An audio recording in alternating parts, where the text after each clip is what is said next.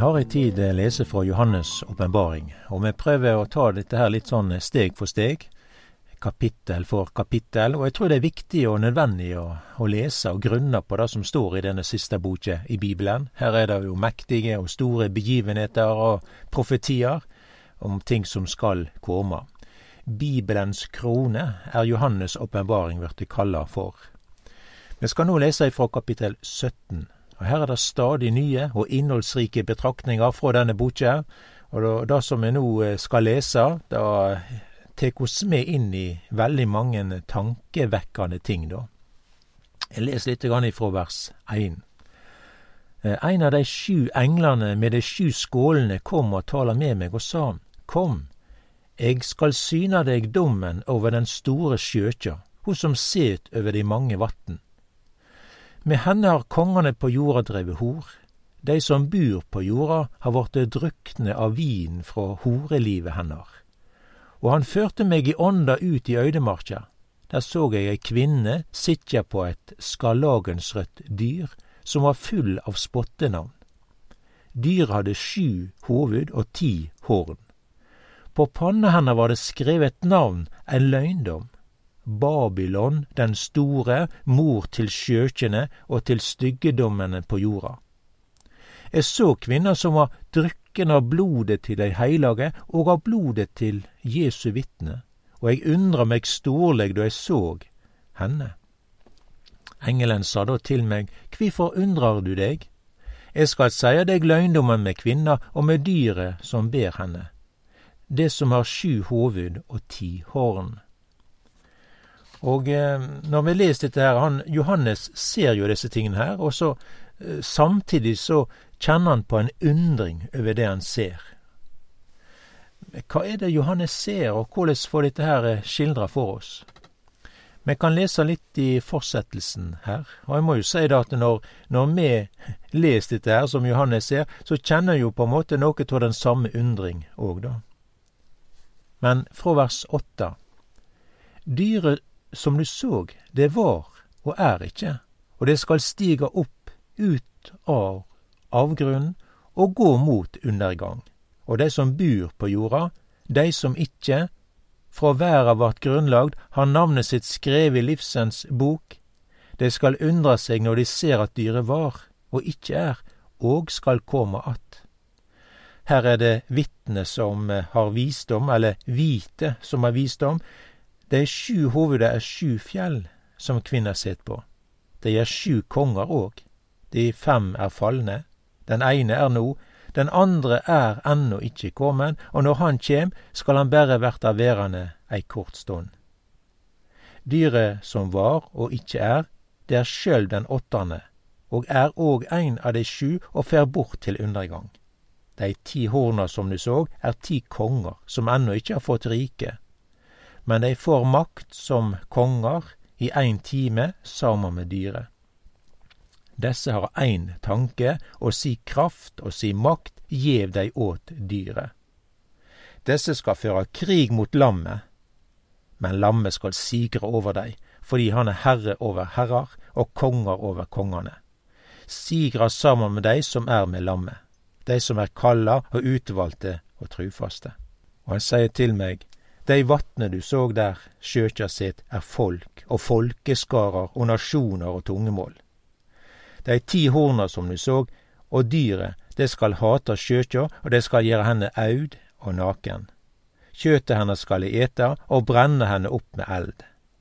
For Gud gav det i hjarta å setje planen hans i verk og fullføre ein og samme tanken, og gi riket sitt til dyret til dess Guds ord har vorte fullført og kvinner, som du så, er den store byen som har kongevelde over kongane på jorda. Nå har vi lest kapittel 17, og her er det mange ting å merke seg, da. Vi leser om ei kvinne. Hun er omtalt som ei sjøkje. Og det er jo ikke noe fin omtale av ei kvinne. Men Bibelen har nå dette med seg, og sier det alltid det som er rett og sant. Ei sjøkje det er noe som kan gjøre kjærlige handlinger men ikkje er kjærleiken. Ei skjøkje ho kan ha stor tiltrekningskraft, og ho veit å bruka det. Det er ikke den sanne og ekte kjærleik, men den er falsk. Og vi merker oss disse sanningene om kvinna, Vi leser òg om kongene på jorda som har et forhold til denne kvinna. Kvinna, eller sjøkjør som Bibelen omtaler ho, set på et dyr. For vi òg vite om denne kvinna at hun har, eh, ja, hun, vært, eh, hun er kledd med kostbare klede og smykke, og det er ei innflytelseskvinne. Og eh, kongene på jorda har da drevet hor med henne. Og i tillegg til dette her, så blir det òg omtalt en by, og byen er Babylon. I Johannes' åpenbaring så har vi tidligere lest om ei kvinne. Det var i kapittel tolv.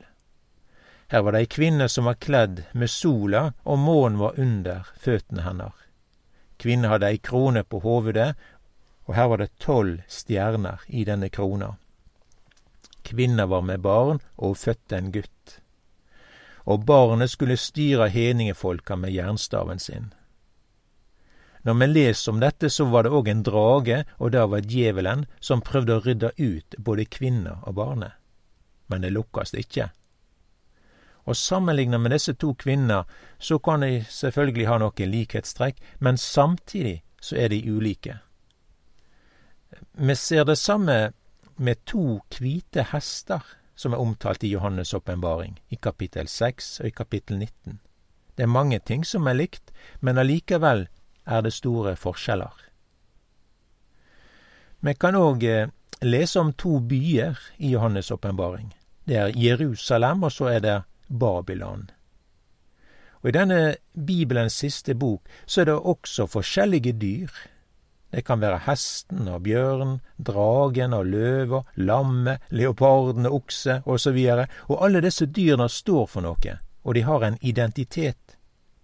Løva og lammet har store forskjeller, men allikevel har de en, en identitet som er den samme sak. Og det er Jesus.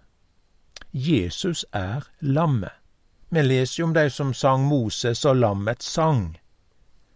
Lammet har denne identiteten i Bibelen som offer, og nærere bestemt så er det brennofferet. Og brennoffer i Bibelen forteller om en stedfortreder. Og det forteller om blodet som ble utrent. Og det skildrer også som soning.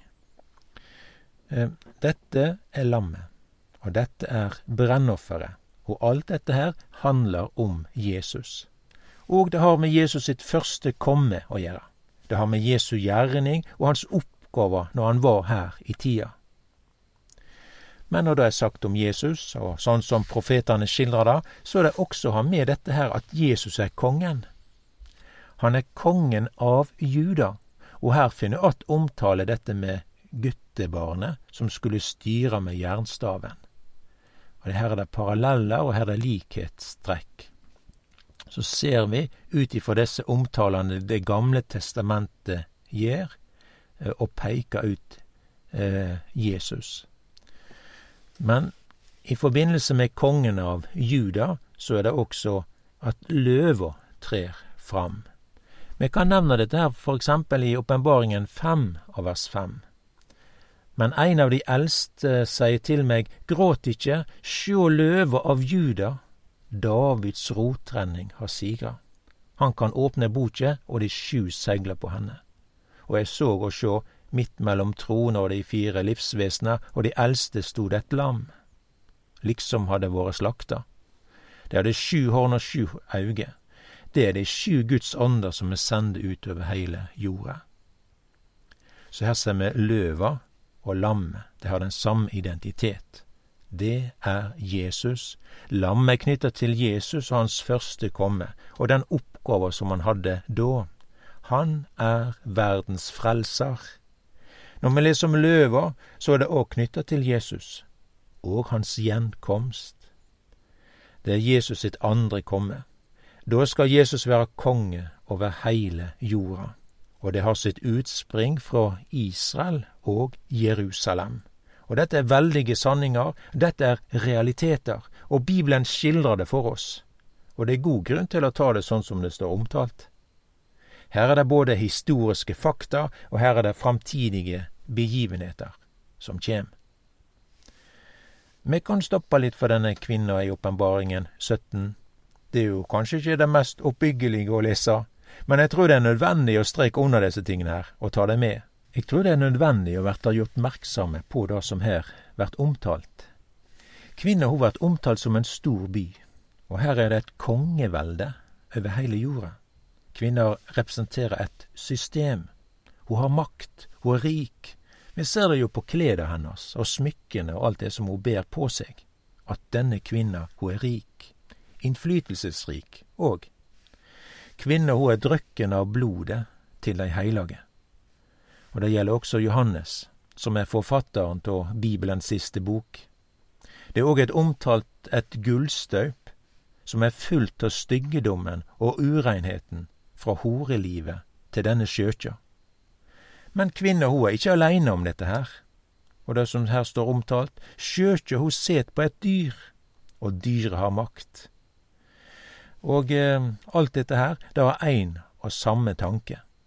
Og det er å føre krig mot lammet og de heilage. Lammet, det er Jesus. Men korset skjøtja eller Antikrist eller Satan og djevelen, den falske profet, vil sigre over det som har med lammet å gjøre. Alt dette med skjøtja og Antikrist, det er noe som er, er et tapsprosjekt. Men allikevel er det mange som følger dyret og skjøtja.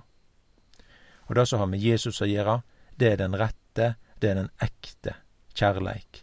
Skjøtja representerer en falsk kjærleik. Den kan gjøre kjærlige handlinger og bruke mange fine ord om kjærleik, men den representerer likevel ikke den sanne og ekte kjærleik. Og dette der er jo noe som vi skal være merksomme på den dag i dag, da. Ho representerer noe som er den falske religion. Vi ser det på kvinner og dyret som hun rir på. Her er det både religion, og her er det et system. Her er det noe som går politikk i for makta blir gjeve til dyret. Og til å begynne med kan det sjå ut som at det er kvinner som har det meste av makta, men så står det i vers 18 her at makta blir gjeve til dyret.